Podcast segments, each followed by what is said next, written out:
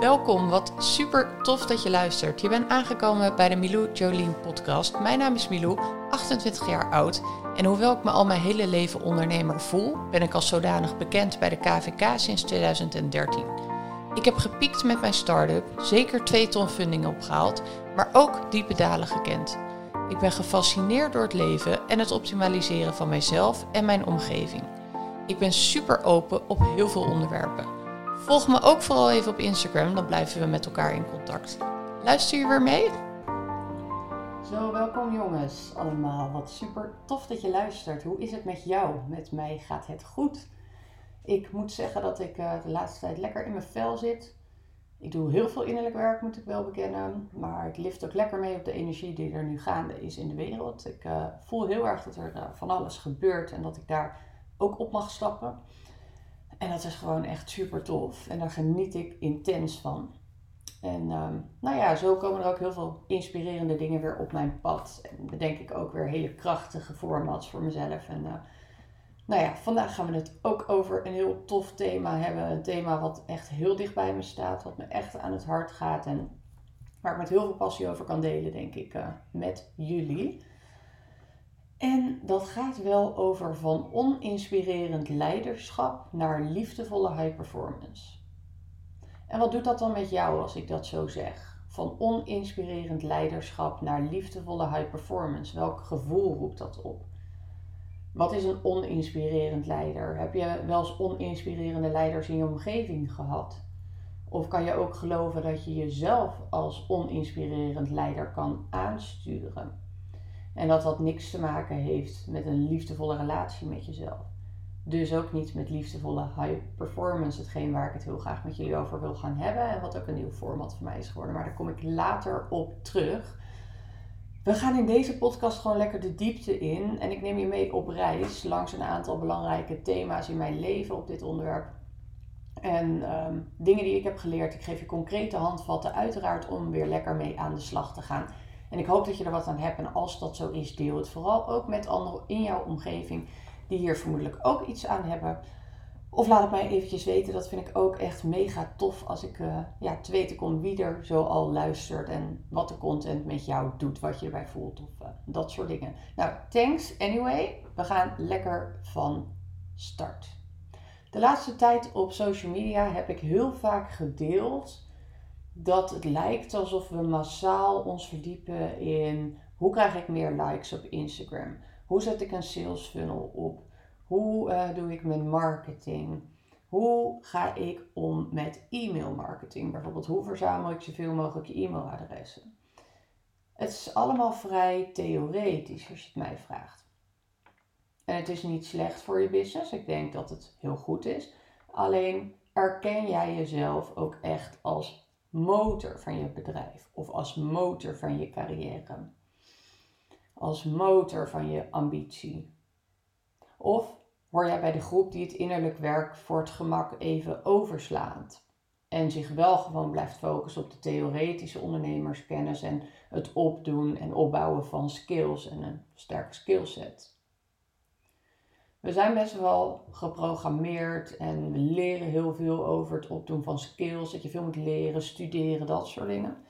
Dus dat theoretische deel, dat is ook echt iets wat wordt opgelegd of opgedragen hier in het leven. Dus het is ook niet gek dat je daarmee bezighoudt. Ik wil je alleen uitnodigen om ook naar een andere kant te gaan kijken.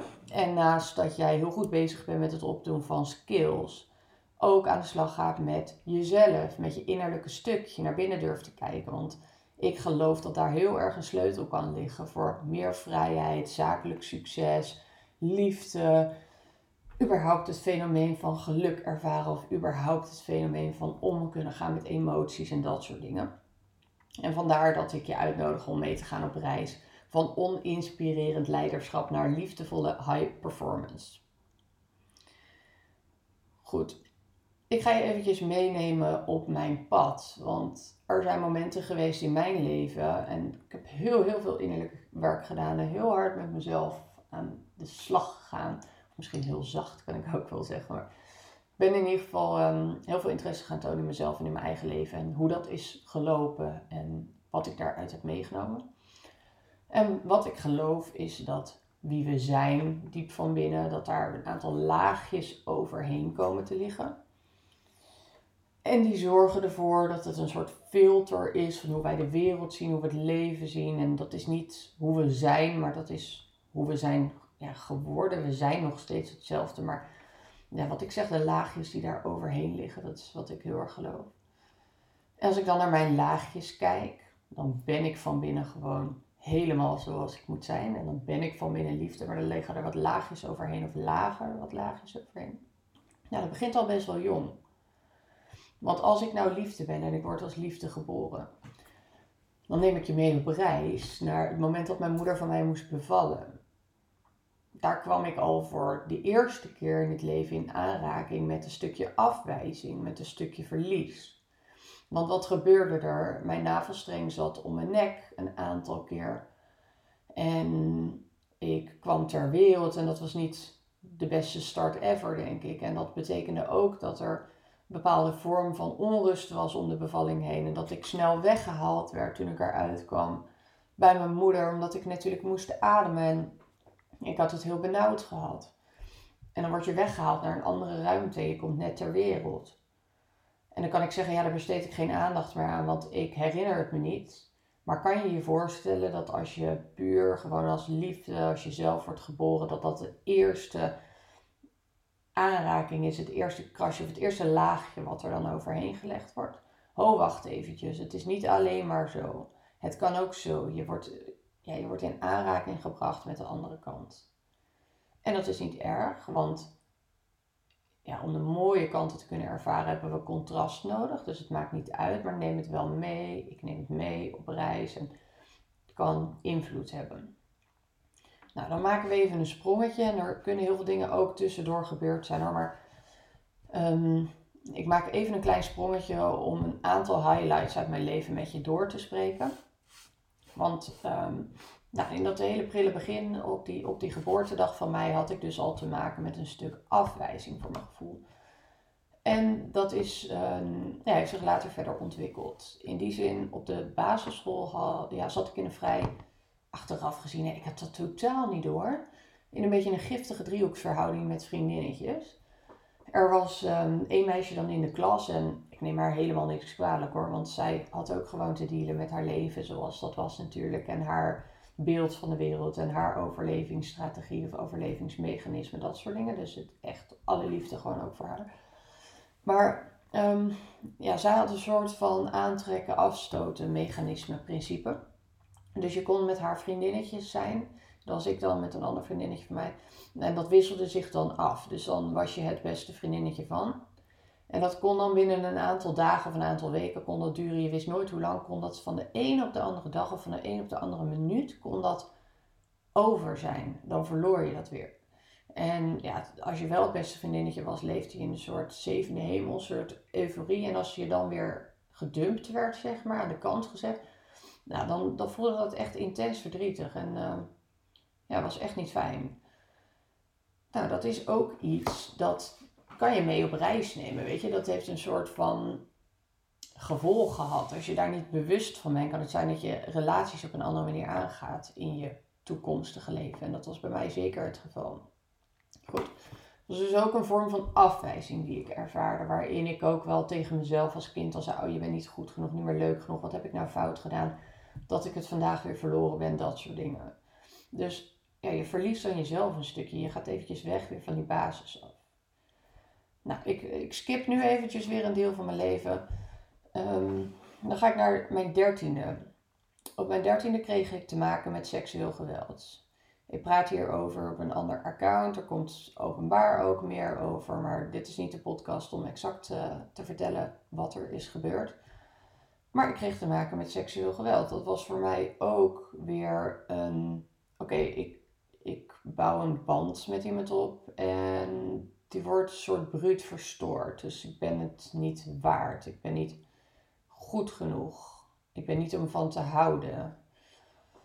Ehm, het is mijn eigen schuld. Allerlei dat soort dingen ja, kwamen er toen eigenlijk op mijn pad. Zo, dacht, zo keek ik naar mezelf. Dus het waren ook weer een aantal laagjes. Nou, daar heb ik iets mee op reis genomen van je bouwt iets op en daarna breek je het weer af of verpest je het weer of dat soort dingen. Van, ik ben niet in staat om dat gelukkige gevoel of dat, ja, die relatie met mensen of met dingen die ik bereik, om dat vast te houden, want ik ben niet goed genoeg. Vrij liefdeloos ben je dan naar jezelf natuurlijk. Neem mezelf geen dingen aan, maar wel ook weer wel. Dit soort mentale dingen helpen natuurlijk niet echt mee. Oké, dan gaan we naar mijn carrièrepad. Ik had een enorme bewijsdrang. Begon te ondernemen op mijn negentiende. Knallen, knallen, knallen. En ik wilde zoveel uit het leven halen. Ik moest altijd veel verder en beter zijn dan anderen. Want daar had ik een stukje aanzien. Dus we, dat gaat ook over waarin word je bevestigd in het leven. Um, ik werd bevestigd altijd ook in uh, mijn jongere jaren op dat wij bijvoorbeeld een groot huis hadden. Of dat wij een grote auto hadden. Of ja, een stukje aanzien, status of geld of weet ik het. Maakt, maakt niet uit. En mijn ouders zijn totaal niet zo. Helemaal niet materialistisch wat dat betreft. Maar ik heb daar ergens, en dat zag ik niet, um, pas veel later, dat ik daar ergens heb ontwikkeld van, oh wacht even, je wordt bevestigd op het moment dat je het goed voor elkaar hebt op dat soort vlakken. Dus dat was een beetje mijn referentiekader om daar ook naar te streven.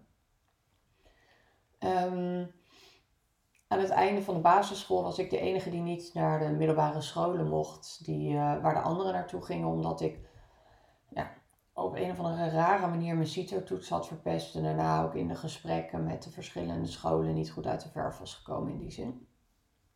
Op één school had ik verteld dat ik school niet super belangrijk vond, maar dat ik zelf een hondenuitlaatservice had uh, gestart in mijn uh, eigen buurt en dat ik dat wel echt mijn passie was. Nou, dat vonden ze dan niet zo'n heel goed teken. Terwijl ik denk, ja, dat was expressie van mezelf, van mijn eigen kunnen. Dus doe even normaal, maar goed. Um, blijft, ik mocht niet naar dezelfde school als al mijn andere klasgenootjes. En ja, dat vond de hele klas heel zielig voor mij. En alle ouders ook van kinderen vonden dat heel erg voor mij. En nou, ik weet niet, ook op het einde klasfeest en rondom die eindmusical. Ik kreeg heel veel erkenning daarvoor, voordat ik daar zo sterk in stond en zo. En ook dat ik naar die andere school was gegaan, dat ik er gewoon goede vriendjes en vriendinnetjes had gemaakt en dat soort dingen.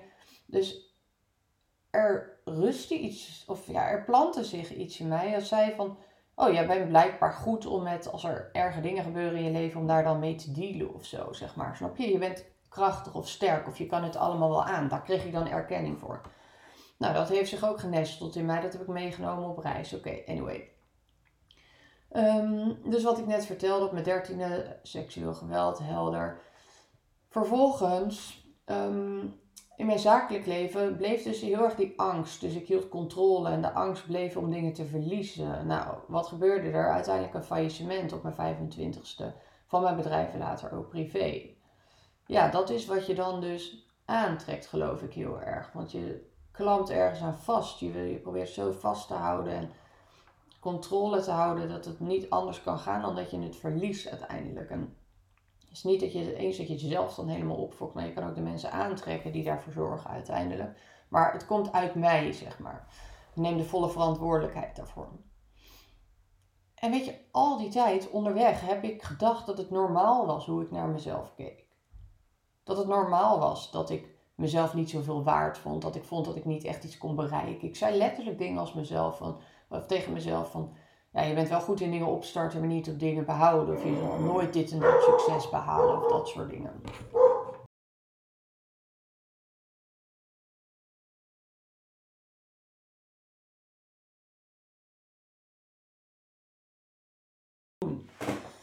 En dan hebben we misschien allemaal gedachten als ik ben niet goed genoeg of ik kan dit niet bereiken of wie zit er nou op mij te wachten. Of, nou ja, je kan van allerlei gedachten over jezelf hebben natuurlijk.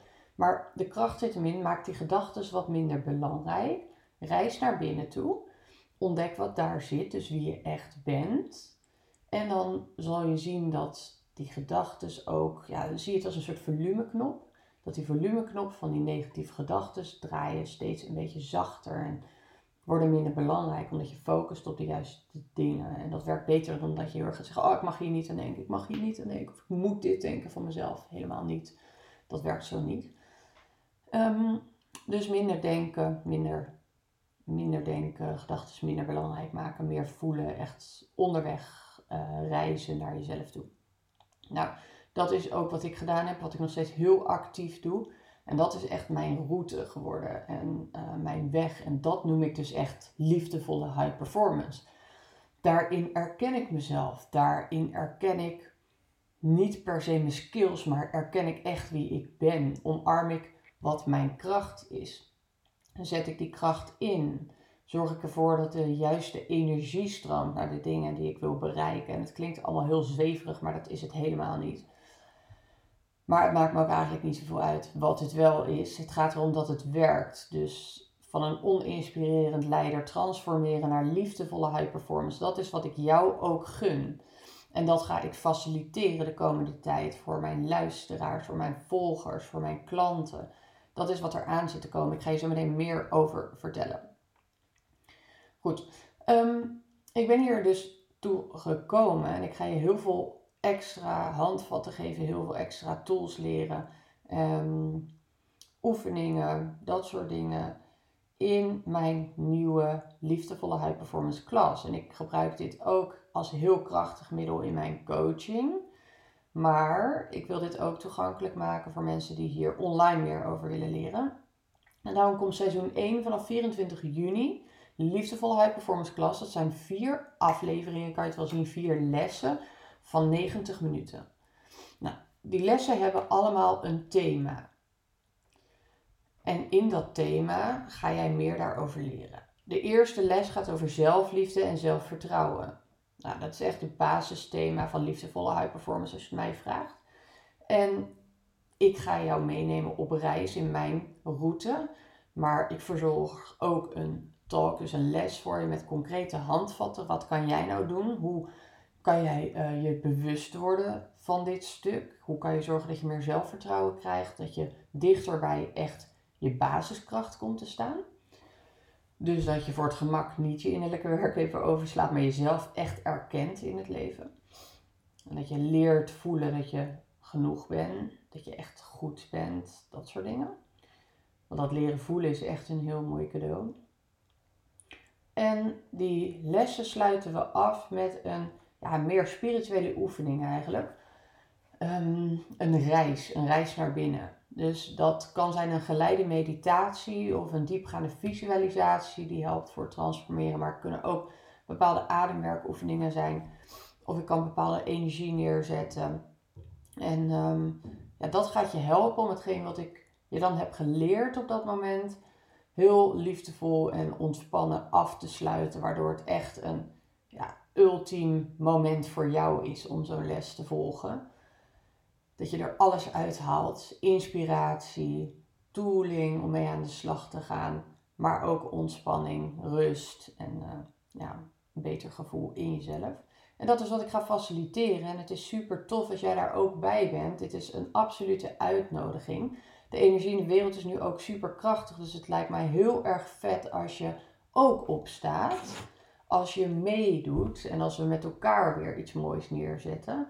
Dus ik nodig je echt van harte uit om je tickets te kopen op www.miloujolien.nl voor de liefdevolle high performance class. Wil je het een keertje meemaken, kun je een los ticket kopen. Zeg je, Milou, dit seizoen is het helemaal voor mij. Dan koop je gewoon een seizoensticket. Ben je natuurlijk ook een stukje voordeliger uit. En ik ja, heb er gewoon echt te veel zin in. Dit wordt gewoon heel erg vet. Seizoen 1 zet ik in om te kijken of hetgeen dat, wat ik heb bedacht exact zo uitpakt. Ik weet dat het heel vet gaat worden, maar ik wil mezelf limiteren om te zeggen: we gaan vier lessen doen met alle liefde die je erin kan stoppen. Onderweg kijk ik of dit inderdaad het format is wat ik ga vasthouden, maar reken er maar op dat ik daar eh, veel meer van ga geven aan jullie. Het wordt gewoon super tof. Ik kijk er heel erg naar uit. En um, nou, ik hoop je te zien daar. Voel je uitgenodigd. Koop je dat kaartje op www.miloujolien.nl En wil je met mij in contact komen, volg me dan vooral even op Instagram. Daar maak ik dagelijkse video's vol inspiratie. En natuurlijk gewoon een kijkje in mijn eigen leven. Ik vind het super tof om met je in contact te komen. Heb je hier iets aan gehad? Deel het vooral. Want samen komen we ergens. En heel veel liefs van mij. Tot de volgende keer.